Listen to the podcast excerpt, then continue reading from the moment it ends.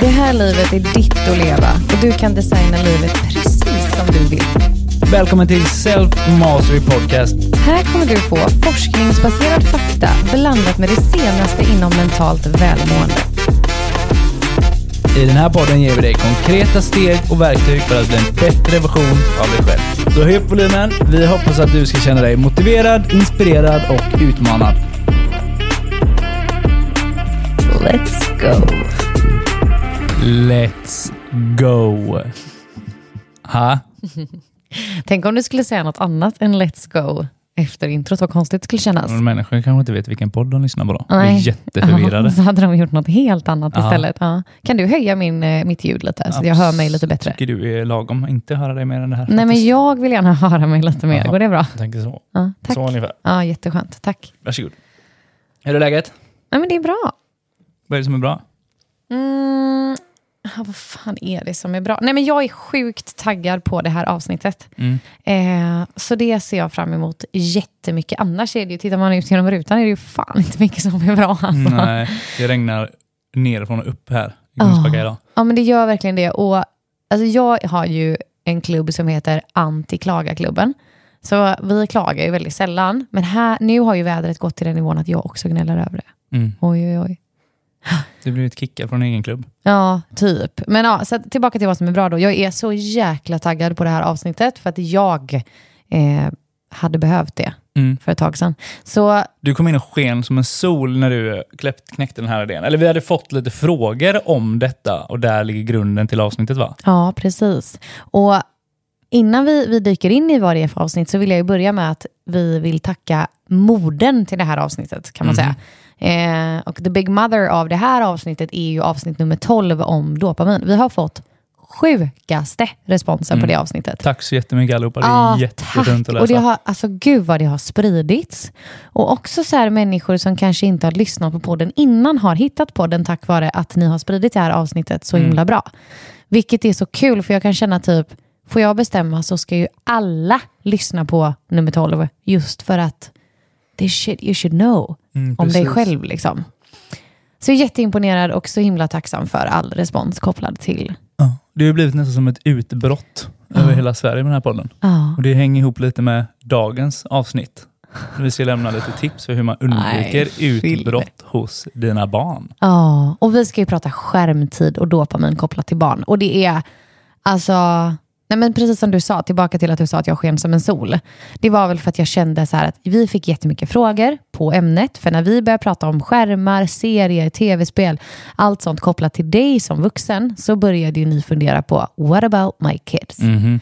Eh, och det har krävts en hög ansträngning för att skapa det här avsnittet. För att det är så viktigt för oss att vi som inte är läkare delar med oss av matnyttig, korrekt fakta till er. Mm. Att vi dubbelcheckar våra källor och liksom hela tiden väljer att sprida information som är matnyttig och viktig. Och, ja, men jag blev så glad när vi ändå avsatte tiden för att byta tag i det här ämnet för jag känner att det är så viktigt. Mm.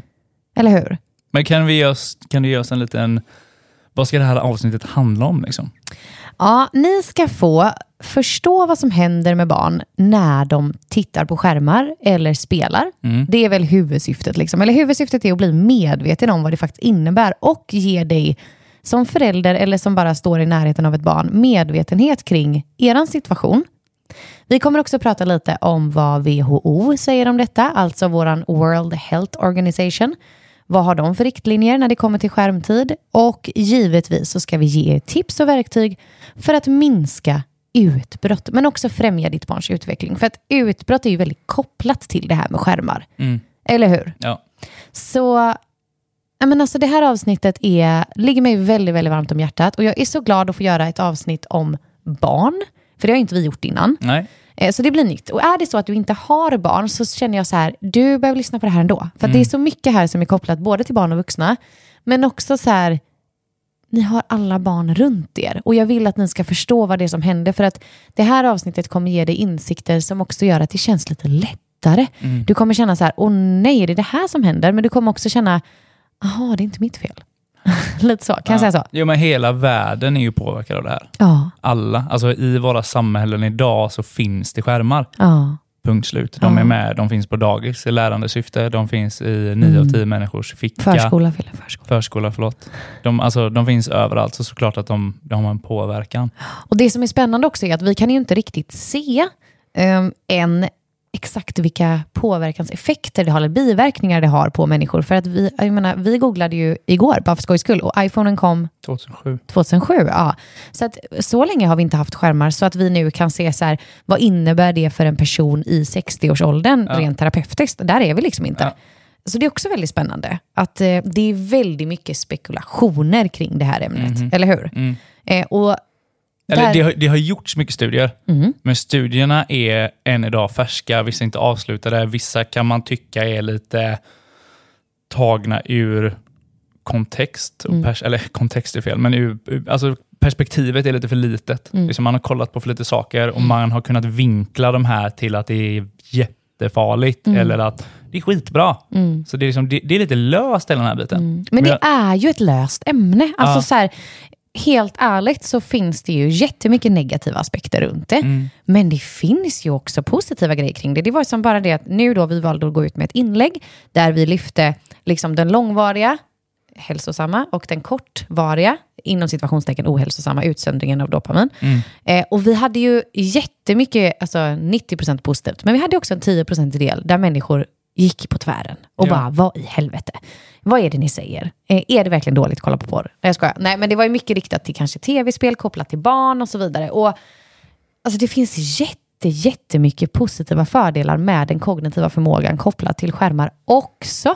Alltså gud, alla de här språkapparna. Och jag menar, vi har så mycket barn idag som är ganska, alltså nästan tvåspråkiga för att man använder apparna. Så jag menar, det finns ju jättemycket positiva grejer också. Men det vi vill dela i det här avsnittet är så här, det här borde du veta. Sen får du ta det till dig, till din familj och så gör ni som ni vill. Ja. Du kommer inte lyssna på det här avsnittet där vi kommer typ halshugga någon. Eller liksom så. Men risken finns ju att man blir lite provocerad. För jag menar, vi har ju fått upp ögonen för det här jättemycket mer än vad vi hade för ett par år sedan också, Ja, ja. själva. Och ändrat hur vi förhåller oss till det och så vidare. Så... ehm, Inte alltid så högt i kurs hemma med våra barn. Nej, verkligen inte. Och nu är vi också i en fortfarande pågående förändringsfas med våra barn. Man står inte högt i kurs då, när man gör det. Nej. Eller hur? För de kommer inte alltid att förstå värdet av förändringen just nu. Men det tycker jag vi återkommer till lite sen. All right. Vad, vad vill du börja någonstans då? Nej, men alltså jag skulle nog vilja börja med att bara ha en liten inledning där jag tänker att jag ska säga så här. Har du inte lyssnat på avsnitt nummer 12 som är en djupdykning i, hörde du att jag bara, en djupdykning i, i, eller en grundläggande djupdykning, kan man säga så, om just dopamin, då skulle jag gå till det avsnittet först. Jag tror inte man kan säga grundläggande djupdykning. Inte? Nej, men det, låter, det lät härligt. Okej, whatever. Ja, det är ju fortfarande, alltså jag tänker, det, ah, vi djupdyker ju på ämnet, men det är fortfarande grunt. Ja. Förstår du vad jag menar? Jag förstår vad du menar. Ja, tack. Då går vi vidare. Ja. Eh, och jag tänker att det är viktigt för, för oss när ni, vi går in i det här nu, att jag kommer dra en liten recap på dopamin, men den är ganska kort, vilket betyder att du behöver ha avsnitt nummer 12 först. Mm. För då kommer du ha så mycket mer fördel in i det här avsnittet och inte undra vad det är vi babblar om. Mm. Okej. Så Shoot. Skärmar och socker framför allt triggar ju utsöndringen av signalsubstansen dopamin. Även om till exempel alkohol och droger skapar större spikes av dopaminkickar än vad typ tv-spel och glass gör, så påverkar det ju ändå våra beteenden. Och det här ska vi bita i idag. Speciellt påverkar det beteenden i det långa loppet. Det formar våra vanor, vår kost, vår mentala hälsa och hur vi spenderar vår fritid. Det kan ju också skapa mycket konflikter mellan barn och föräldrar. Och det är väl framförallt där vi vill bita tag. Just det. Eller hur? Mm. Vad känner du själv så här? Har, hur har du, vad har du för relation till skärmar, Fille? Vad känner du runt det? Liksom? När jag var liten, Ja. då fick jag inte ha skärmar hemma. Okej. Det var stenhårt hållet. Vi, vi hade ju... Men du är ju också typ 50, så det kanske är därför. Lugna ner dig nu va. Jag är ni, född 90, alltså jag är 33. Ja. Så när jag är liten, då fanns ju en vanlig dator. Man kunde spela de här gamla klassiska spelen. Sims, Age of Empires. Men jag Alltså, fick inte Sims, ha... Motherload. Ah. Va? Jag, jag fick inte ha några grejer hemma. Så Nej. det gjorde mig lite besatt av det när jag var liten. Ja, ah, just det. Fick jag sån omvänd effekt. Ja, precis. Man tog bort detta. Så jag var ju väldigt mån om att få vara hemma hos polarna som hade tv-spelen och sitta och nöta de här nya coola spelen. Mm. Jag kommer inte ihåg vad det Super Mario hette med det här första när man skulle ner i rören och samla stjärnor och grejer. Det var Zelda och... Mm. Ja, men jag var helt torsk. Jag, torsk. Det som finns nu på Switch. Eh, ja, precis. Ja. Fast den här första Nintendo 64-varianten. Ja, ja, när det visst, kom. visst. Liksom. Så jag har haft en ganska ohälsosam relation till tv-spel tror jag. Ja. Så då mina föräldrar sa att tryck inte på den röda knappen. Och då ville Jag du verkligen göra det. jättenyfiken på att testa de här grejerna. Jag blev helt hooked. Jag kunde sitta i flera timmar. Och det Mm. pågick ändå ganska länge. Att Mm. jag kunde göra det. Mm. Men vad, vad kände du sen då, liksom, när du fick egna barn? Alltså, hur, hur tänkte liksom, ni då kring, kring skärmar när de var lite mindre? Nu, var- för att tillägga, om man kanske inte har hängt här hur länge som helst och kan allt och vet allt om oss, så har ju vi fyra barn. Eh, två, men gud vad krångligt det blev att förklara. Vi har, vars, vi har två var. Vi, ja, vi Så tillsammans har vi var. fyra. har två stycken födda 16 som är 7 och 6. Vi har en som är 5 och en som är 3. Ja. Gud, har du pluggat in det där? Eller? Ja, men det är jag pluggat in. Jag har ju fyra barn. Okej, så därför så frågar jag ju så här, hur gjorde ni? Ja. För att då var ju inte jag med i bilden när de var små. Ja. Eller pyttesmå. Men jag har ju alltid sett fram emot att få sitta och spela Mm. med mina barn. Alltså tyckte det var en kul grej. Det var ju någonting jag tyckte själv var väldigt roligt när jag var liten. Åh, blev det som en sån här, ah gud, det här kan jag se nu när du säger det. Att du då typ har fått återuppleva din barndom lite genom att säga att det är okej. Inte istället för att ta bort det från honom. Ja, ja men precis. Jag vet, Ja, ja, vi, vi har en kompis som inte fick spela boll hemma, som är lika gammal som oss, som har två barn. Mm. Och han har gjort tvärtom nu, att vi kör allt, alla bollsporter inne på övervåningen. bara för att göra motsatsen. Så jag har nog lite samma Oscar. där. Liksom. Just det, hur shoutout till Oskar. Ja, Shoutout till Oskar, jag tycker det är så bra. Nej, men att just att jag fick inte det. Jag tror fan att den ska vara det. Liksom, Mm. What's the harm? Mm. Har jag ju tänkt. Tills nu. Exakt. Nu vet vi vad the harm är. Ja. Alltså jag, eh, nu hoppar jag in i det som att du ställde Ja. samma fråga Vad har till mig. du för relation till det?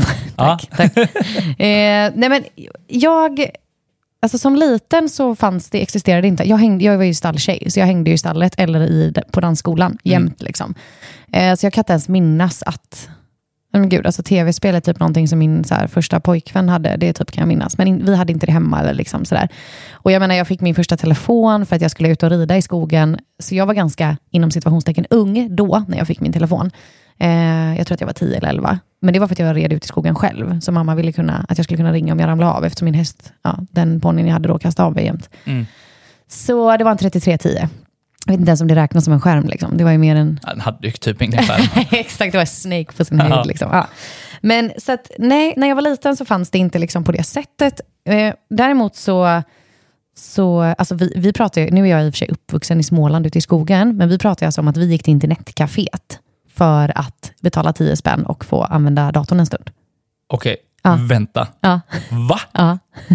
Det är det sjukt. Alltså, om jag har varit typ i Vietnam på någon avlägsen ort, ja, då har jag gått ett internetcafé, men inte i Sverige, i Ah, jo. Småland. Var Jo, det jo. så illa? Ah, nej, alltså jag minns det som igår. Jo, men vi hade nät hemma, men då var det den här, du vet. Du vet Ja, men det. den Ja. linan hade ju alla. Men Ja. liksom, Mm. alltså, ni kunde inte ens använda den. Jo, vi kunde använda det, men jag vet inte om, om de kanske dels inte uppskattade det så jättemycket. Sen var det ju en grej. Alltså, vi gick dit, jag och mina tjejkompisar, och så spelade vi ett hästspel online, där man hade så ett eget stall och typ, alltså jag får typ gåshud nu för det var så jävla ball. Ja. Eh, så vi gick ju dit och gjorde det, och de hade också fantastisk kladdkaka på det här kaféet. Så det blev ju en grej liksom. Eh, så jo, men så vi gick dit. Och sen så vet, jag minns också, jag är uppvuxen på en jet, eller jag har ju gått skolan på en pytteliten skola. Vi var ju hundra elever på hela skolan, upp till sexan. Eh, sluta tappa hakan Fille och lyft på den. Jag är fortfarande helt blown away. Ja. Vilken alltså, verksamhet. Det måste vara så lönsamt att ha ett internetcafé i Lilla Skruv om det inte fanns något internet. Liksom. Men det fanns ju internet, det var bara att vi använde det inte. Typ inte. Ah, Jag vet inte, jag ska Okej, fråga okej. mamma. Men Ja, okej, jag moving måste säga ändå. Eh, på skolan i alla fall, då fanns det ett datarum. Ja, eh, där det stod då typ fem sådana här tjocka eh, grejer. Du vet, ja. eh, och då vet, minns jag, när jag gick i mellanstadiet, att det var ju liksom, på rasterna var det ju kö ut till de här datorerna. För vi var alltid inne på samma sajter Mhm. eh, och spelade några spel. typ. Och då stod man ju i kö för att få en av datorerna. Liksom. Men det var inte det jag skulle säga, utan Nej. det jag egentligen skulle berätta var att jag har ju alltid haft en hatkärlek till social media och skärmar. Mm. Eh, mycket för att jag själv har jobbat med det. Så att jag har hela tiden varit nyfiken på hur beroendeframkallande det faktiskt är. Och varit medveten om när jag utvecklade mitt eget beroende, eh, blivit av med det. Alltså det har varit en spännande men tuff resa. Mm. Jag blev, för ett par år sedan så jobbade jag på Fryshuset och då var jag verksamhetsansvarig för någonting som heter United Sisters, som är en organisation där man hjälper unga tjejer som lider av psykisk ohälsa. Just det. Då jobbade vi också jättemycket med skärmar. Eh, och jag satt också med i mycket samtal där man liksom utvecklar vidare då hur man kan liksom hjälpa till ute på skolor för att stoppa och preventera den här, de här problemen som finns.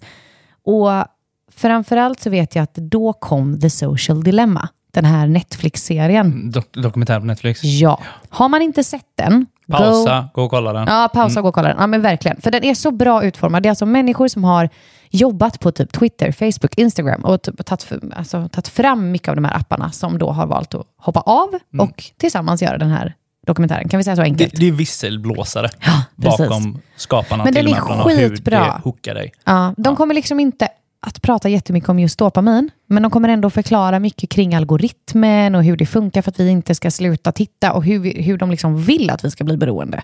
Eh, Så den är skitviktig att se.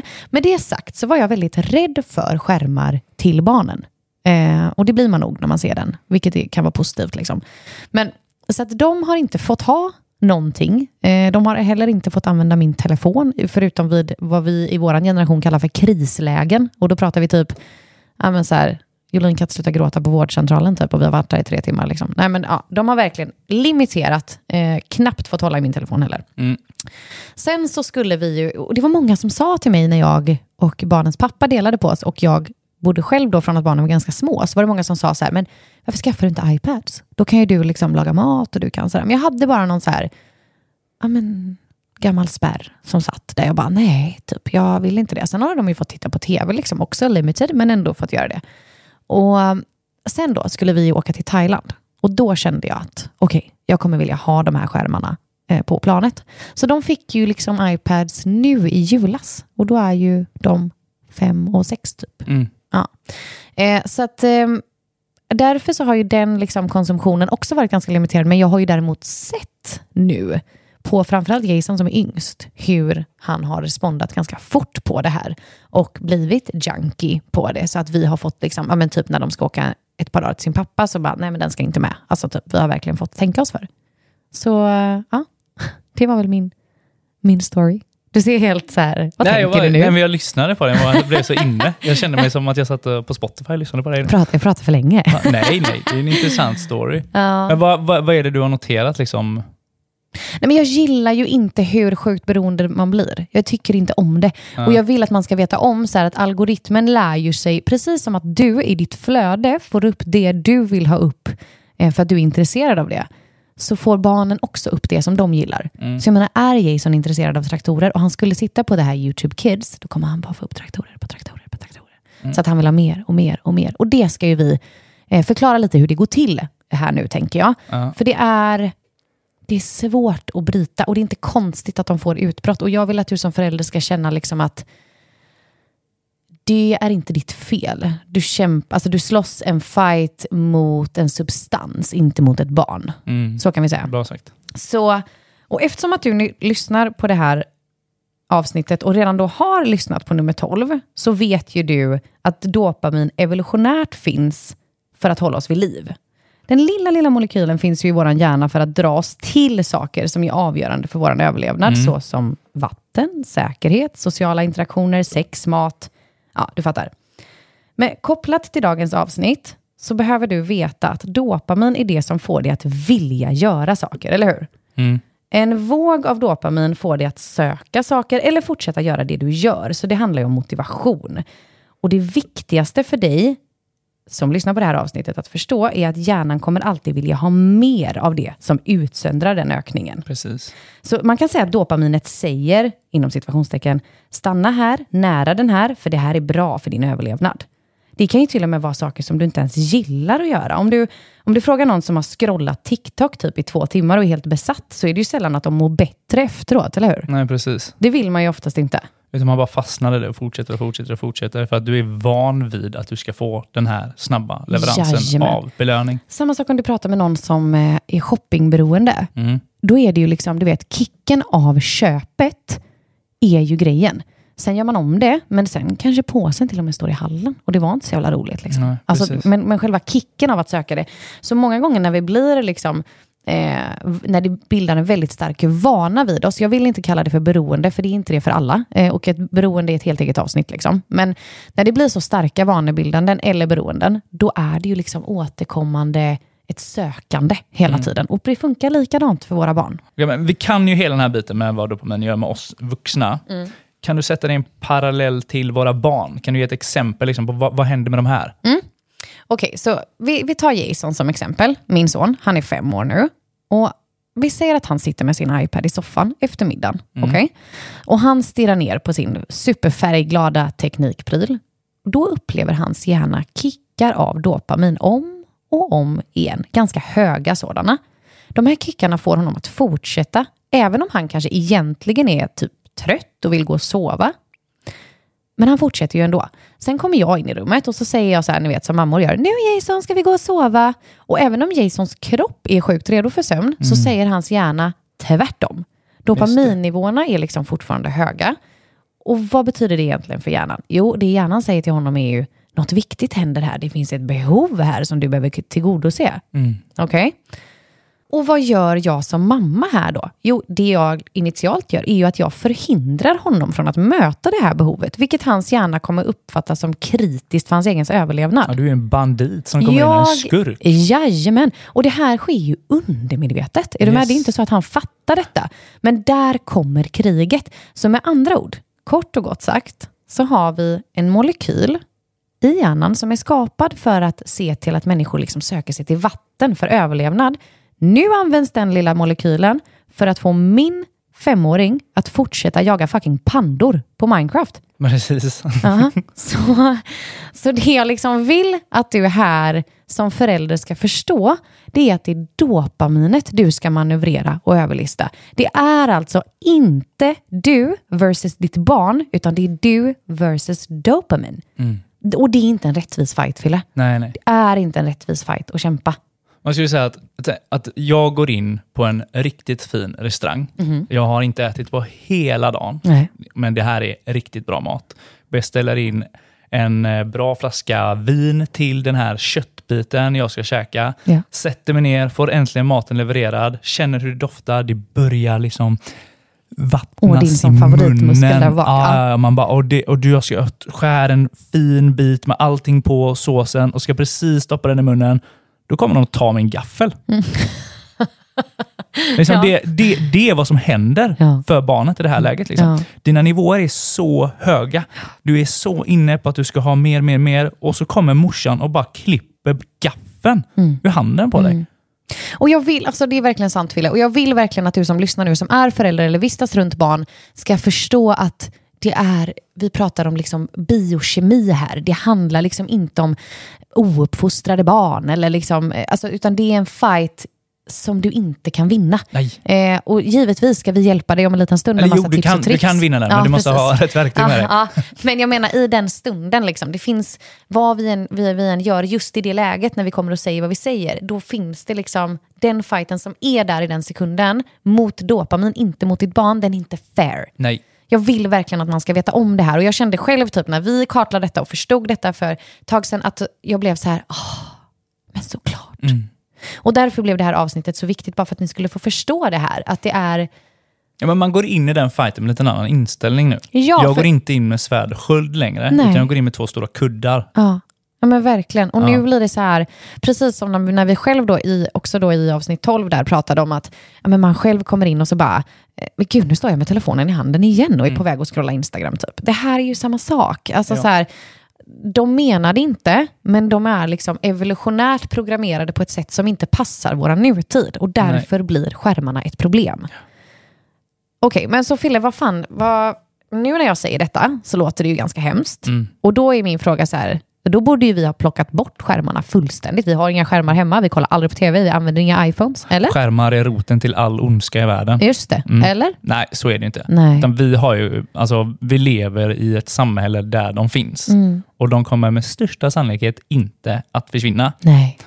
Så vi behöver lära oss att leva med dem. Mm. För det här är en sån grej som jag kan reagera på. Liksom, det är ingen som någonsin har talat om det riktigt. Nej. Hur anpassar man livet med de här grejerna? Utan vi har liksom bara slängt in någonting som Yes. ger oss snabb glädje och kickar Ja, utan att på något sätt reglera det. exakt. Det är ju bara att kolla på alla vuxna, Ja. alltså oss framför allt, som är mest liksom varit med i hela den här evolutionen av teknologi. Vi har ändå levt på ett otroligt häftigt ställe i tiden för att få uppleva allt detta. Och hur hooked alla vi är. Mm.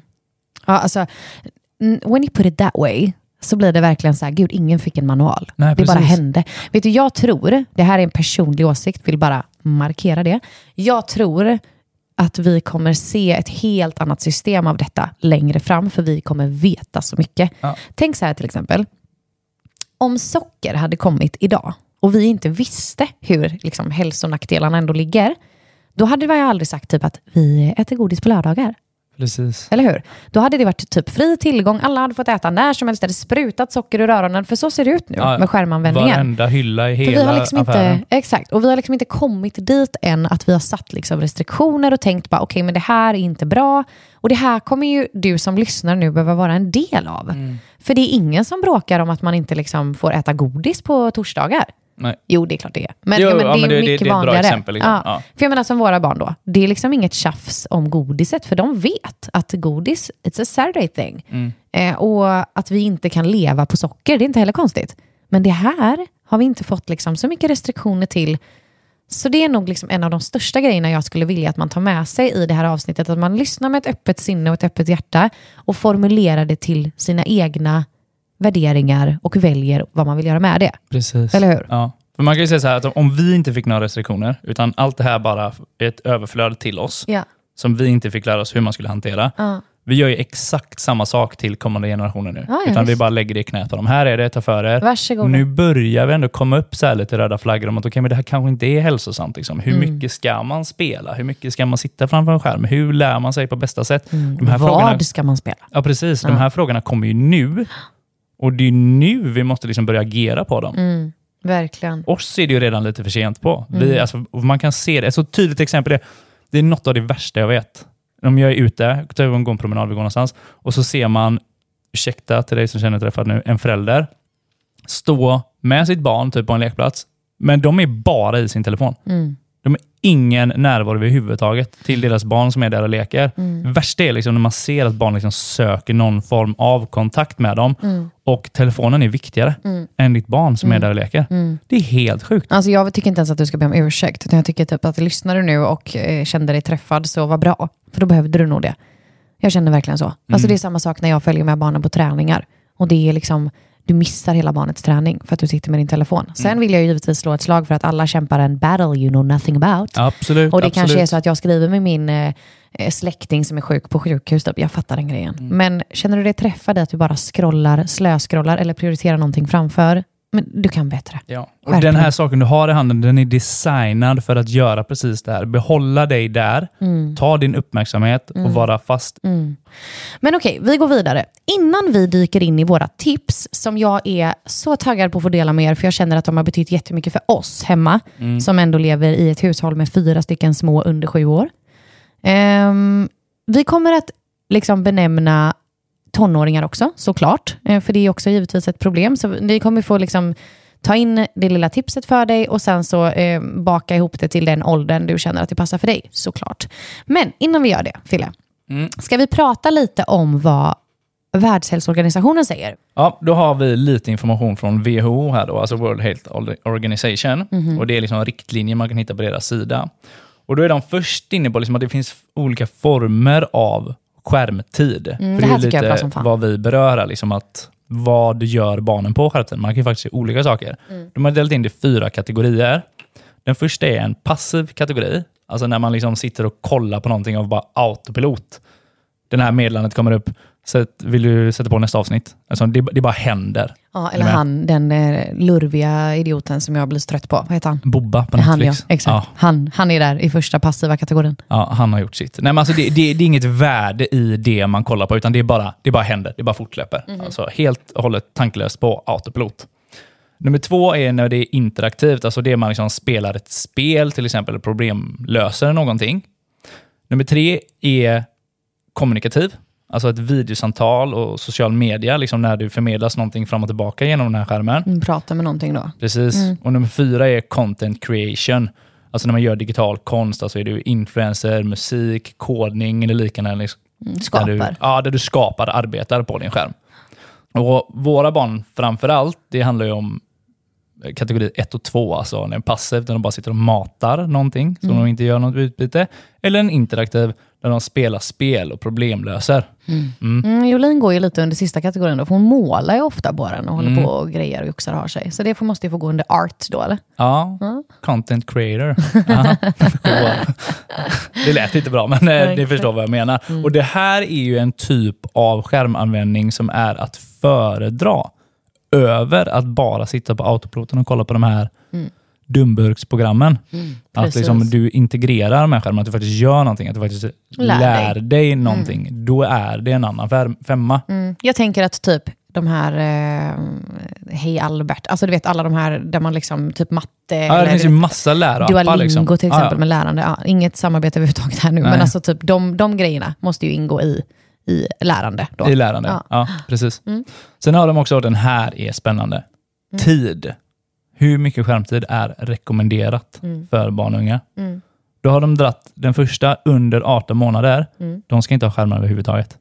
Bortsett från om det inte är ett videosamtal kanske med familj, nära släkting eller liknande. Mm.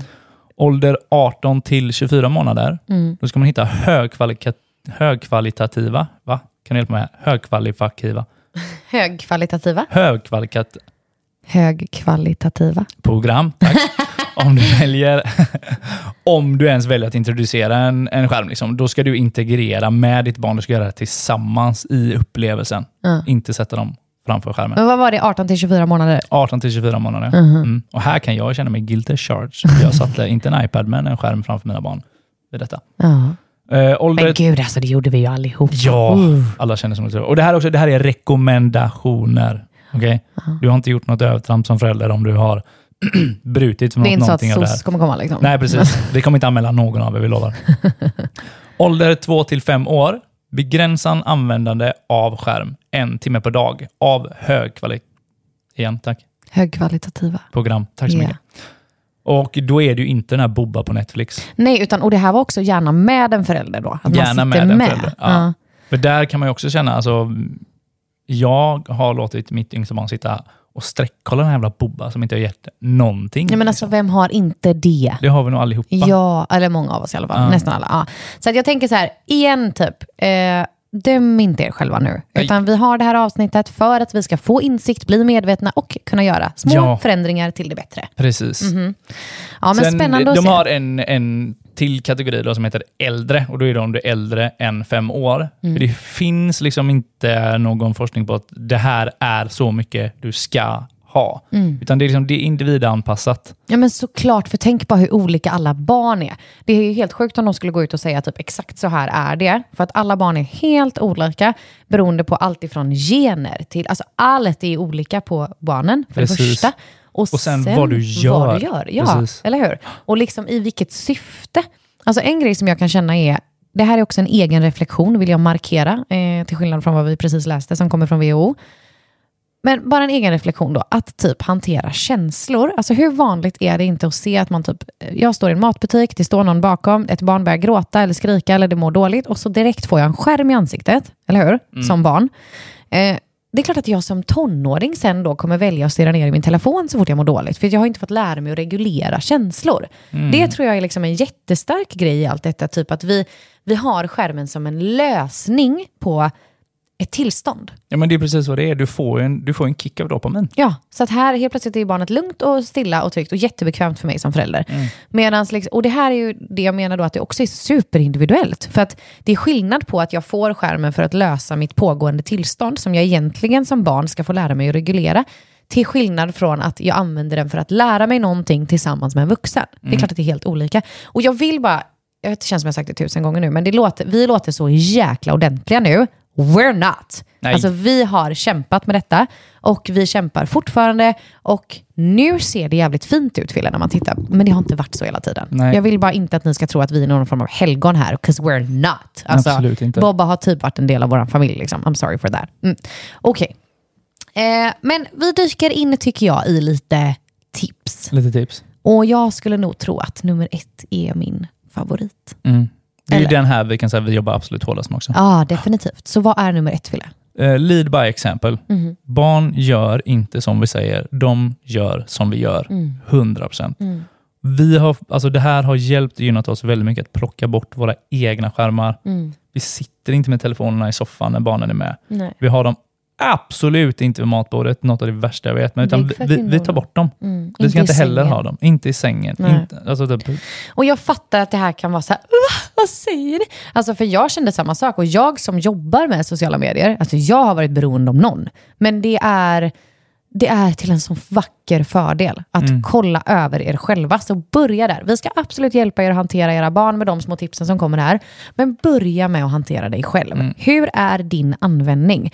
Och jag älskar att, det här har vi hållit väldigt länge och jag älskar ju hur det märks på våra barn. För att nu då liksom om vi har en vän som kommer över och sitter typ med telefonen vid bordet, då är det ju fyra stycken småpoliser som bara typ, vi har inga telefoner vid bordet här. Och jag tycker det är så gött. Alltså fantastiskt verkligen. För att vi vill visa dem att jag är här med dig, så du kan vara här med mig. Och att överlag inte låta den eh, beroendeframkallande lilla manicken vara med och störa våra eftermiddagar tillsammans, det kommer vi att minnas. ja, och då tar du lite kontroll över hela den här Mm. biten också. Liksom. Men liksom, det är verkligen av och stor vikt nu att lead by example för att resterande tips här ska funka. För Ja, ja. liksom, om du inte rannsakar dig själv i detta, de gör inte, kommer inte göra som du säger, utan de kommer göra som du gör. Det är, Mm. Alla dagar i jätte, det är jätte, jätteviktigt. Och det handlar ju verkligen om, alltså, det finns ju en anledning till att barnen går runt med låtsastelefoner och pratar i telefon eller liksom säger "Men jag sitter och jobbar, säger de när de leker i sandlådan. Liksom. Ja, det finns ju en anledning till det. Och återigen, typ, ni, ni, kan, ni kan göra små justeringar och det kan bli bättre. Please do. Den behöver inte ligga på bordet. Alltså, vi har ju en plats eh, där vi lägger den. Eh, och det, alltså, jag vet att för många år sedan när jag var typ tonåring så tyckte jag typ så här, jag var hemma hos någon där man hade ett så här typ mobilhotell. Du vet en sån här liten Ja, box där man Ja. satte dem. Ja, och jag typ, alltså så. Men nu, alltså best thing ever. Ja. Vi har inget mobilhotell dock, men vi har en plats där de brukar ligga. Ja. Och det är så skönt. Alltså hur bra som helst, för att vi vill vara i verkligheten. Precis. Mm. Så det, handlar, det här handlar om liksom, hjälp era barn att anpassa sig till världen som är här med de här skär- skärmarna som finns. Ja. Och jag tror inte att vi har med det eh, som ett tips nu. Ska vi se här. 1, 2, 3, 4, 5, 6. Nej, men det jag skulle vilja slå ett slag för också är att i det här, bjud in till förklaringen runt det, beroende på i vilken ålder ditt barn är. Alltså typ, om vi nu då liksom, eh, ja men, eh, mamma har valt att lägga undan sin telefon för att, bla bla bla. Så. Eh, jätteviktigt, för jag menar vi har ju valt att köra the light version of dopamin har vi berättat för våra barn. Vilket betyder att typ igår satt ju Angelo och bara typ berättade för oss hur det funkar. Vilket ju är så sjukt, för då blir det så här, okej, de kan få förstå. Och jag menar, har du en tonåring som du ska berätta detta för? Nej, de kommer inte lyssna kanske första gången eller tycka att det är superinspirerande, men det kanske går in långsamt. Vem Ja. vet? Alltså, verkligen våga bjuda in till att förklara varför vi gör som vi Ja. gör. Okej, nästa tips då. Ja, nummer två. Hitta de aktiviteter som är bäst för ditt barn. Och när vi menar bäst, då tänker vi kopplat till den lilla molekylen dopamin. Vi vill ju alltså, som ni har lärt er nu, ha de här långsiktiga mjuka utsändningarna av dopamin, inte de här höga spikesen. Och ett facit då på vilka som är bäst inom situationstecken för ditt barn. Ett ganska bra sätt till att ta reda på det är hur upplever du ditt barn efteråt? Precis. Alltså det här är ett guldtips mina damer och herrar.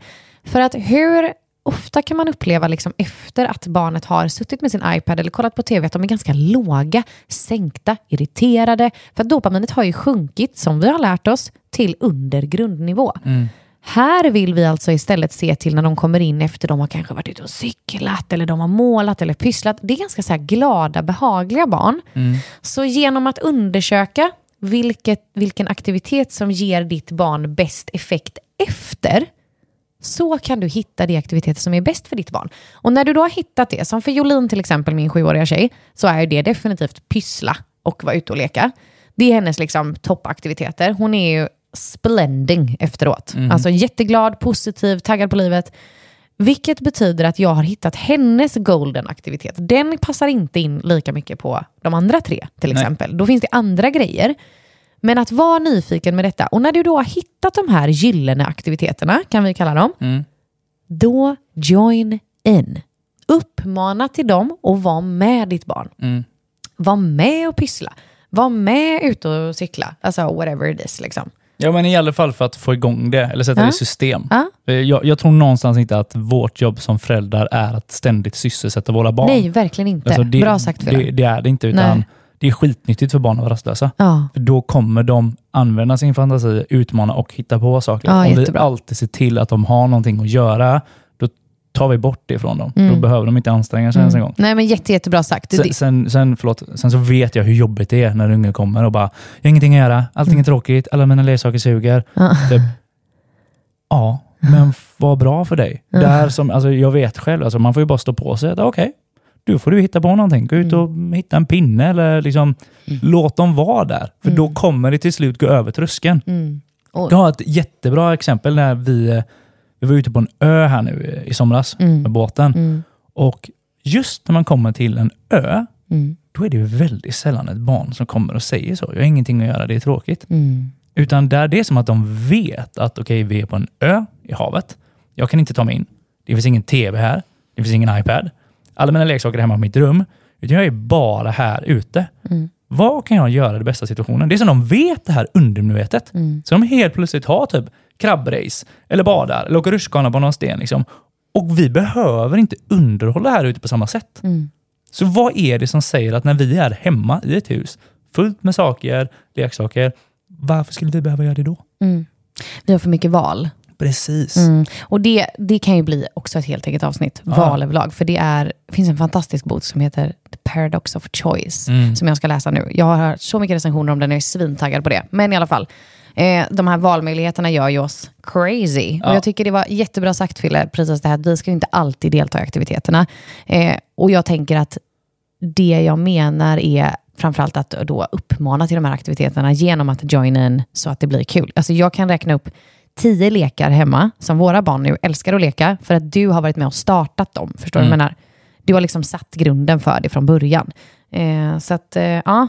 Men det är En, en knuff i ryggen. Liksom. en knuff i ryggen. Ja. Eh, och att liksom vara med och leka ibland såklart. Det är bra för ditt inre barn också. Självklart. Men verkligen inte alltid. Och barn, gud jag är så himla taggad på att vara en person som säger det här. Men barn behöver ha tråkigt. Visst. Ja, men det är det. Ja, det är jätteviktigt. Ja. För att de ska utvecklas i din absolut bästa möjliga mån så behöver de ha lite tråkigt. Ja.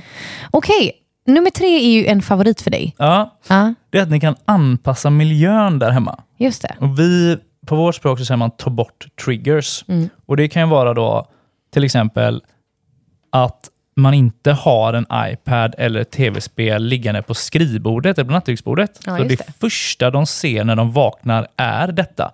För då kommer det ju gärna sätta igång att, oh just det, där kan jag få en snabb belöning. Ja, Varför ska vi lägga fram den där? nej, precis. Liksom lördagsgodiset. Jag tror inte det är många familjer med barn som har en skål med godis stående framme hela veckan. Nej, inte en chans. För att då vi kommer ju behöva ha det här tjatet om lördagsgodiset hela tiden då. Mm. Utan det brukar man ha ett skåp, Mm. om inte det är uppätet. Mm. Liksom, så att de, man ska slippa detta. Mm.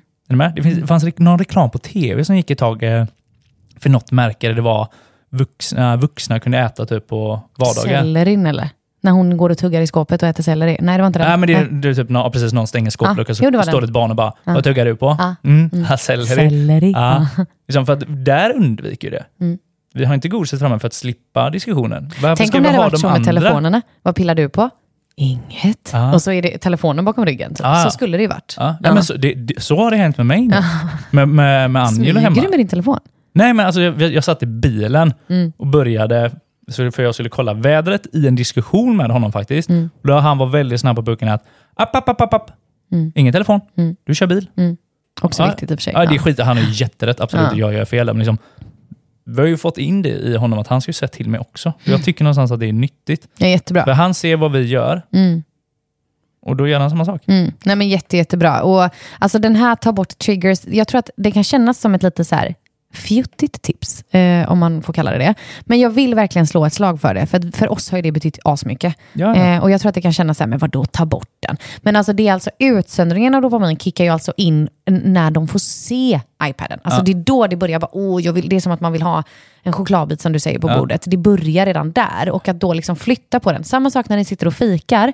Alltså ska alla barn äta en bulle, ställ fram en bulle till alla. Ställ inte fram ett helt berg.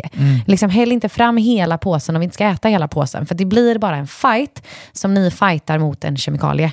Eh, och vi vill slippa det. Liksom. Precis. Så nummer fyra då. Då kan man ändra vanor istället för att ta bort saker från dem. Och Det kan vara till exempel vilka spel de ska spela, vilka program de får titta på och byta ut saker som, som kanske inte har en positiv effekt till till exempel kortspel eller pussel.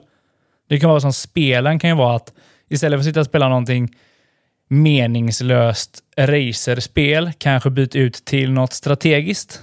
Där vi som föräldrar får komma in och hjälpa till liksom, och bygga någon form av strategi för hur man ska ta sig framåt. Mm. Jag tror att det är viktigt här att veta liksom att Går vi in och säger typ, mm, ska vi eh, börja pussla istället för att du ska spela Minecraft, så kommer inte det vara jätteuppskattat. Nej, precis. Utan istället då bara se till att det går att ändra vanor istället för att ta bort. Alltså byta ut är alltid mycket, mycket enklare för hjärnan. Att göra ett skifte istället för att bara ta bort någonting. Och för oss till exempel, då, ett tydligt exempel är när vi bestämde oss för att inte låta barnen längre ha eh, iPads eller skärmar sista timmen innan läggdags, det vill säga efter middagen.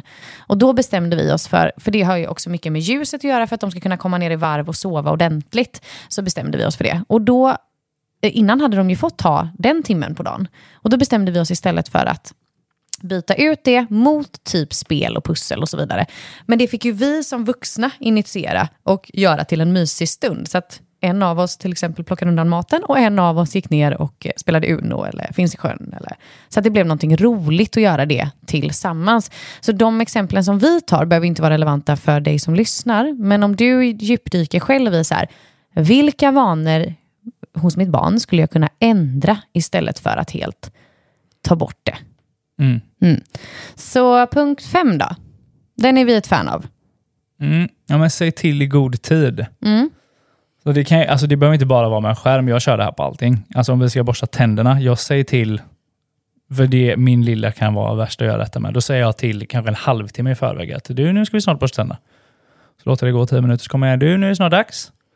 Och nu är det snart dags, och nu är det snart dags. Och när jag väl ska stänga av tvn då, eller avbryta vad det är nu han är håller på med, då är han redan, redan förberedd på att det här ska ske. Det minimerar liksom risken för ett utbrott ganska mycket. Jag kan tycka att det här handlar lite om respekt också. Typ. Alltså jag hade blivit skitsur om någon kom fram till mig och bara ryckte vad jag höll på med. Eller typ om jag sitter och läser någonting och jag tänker liksom att eh, om jag ska läsa färdigt det här kapitlet eller den här sidan eller vad det nu kan vara. Lite samma sak här. Jag förstår att alltså det är så upplagt för ett utbrott att rycka iPaden, säger att barnet är mitt inne i att bygga ett hus i Minecraft. Det är klart att det är ju hela deras värld som går till spillo här när du bara rycker iPaden. Liksom. Eh, så att då börja kommunicera på ett annat sätt. Liksom, jag vet att det finns människor som jobbar med eh, vad heter det? Alltså tid... Eh, höll jag på att säga, men alarm liksom.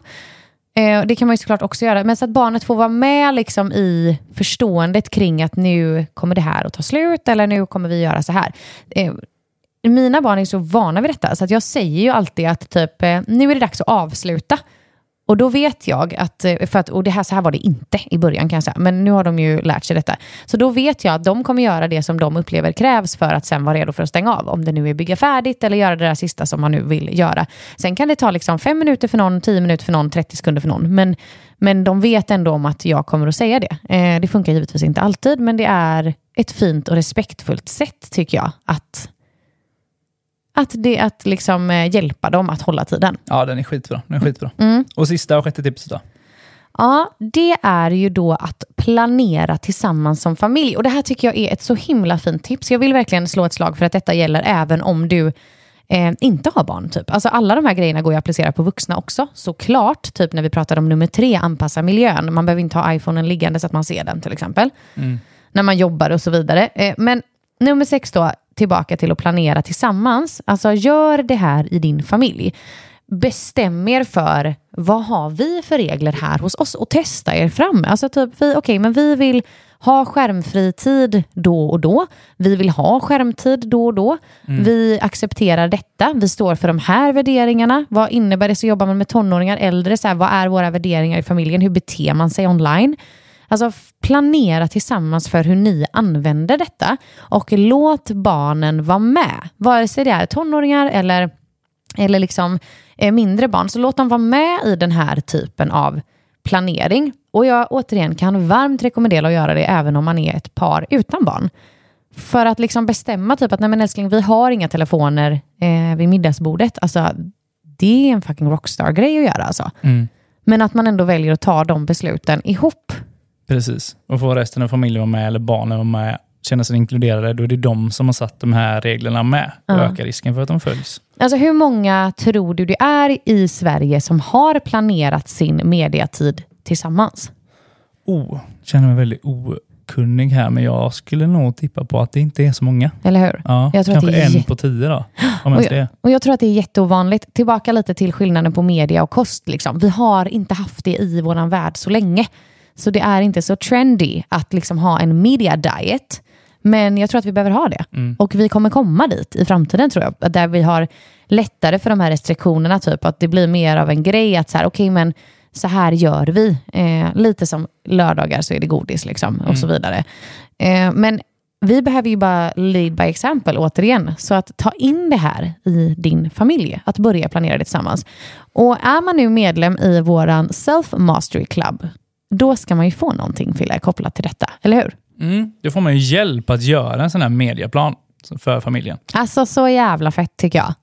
Då kan man alltså gå in i plattformen som man kommer åt som medlem och skriva ut det här worksheetet där ni kommer med hjälp av frågor och det vi har framtagit ja, men få en hjälp att tillsammans sätta er ner och göra den här som familj. För det kan kännas kanske lite stort och bara okej, okay, where even to start? Och då finns det lite hjälp att få här helt enkelt för att ni som familj tillsammans ska landa. Och den här går verkligen att använda om man har barn, om man inte har barn, eh, om man vill göra den för att man lever ensam. I don't know. Eh, är ett sätt att överblicka. Exakt. Ja. Och, och, tillsammans ta beslut om vad vi bestämmer ja. oss för i vår familj helt enkelt. Precis, och sätta lite riktlinjer. Ja, så jag vill verkligen eh, slå ett slag för den. Och för övrigt så är jag väldigt, väldigt tacksam för det här avsnittet och jag vill säga att du som lyssnar, please share with your friends. För att det här är verkligen information som jag känner att jag vill inte att någon ska ha barn och inte veta det här. Nej.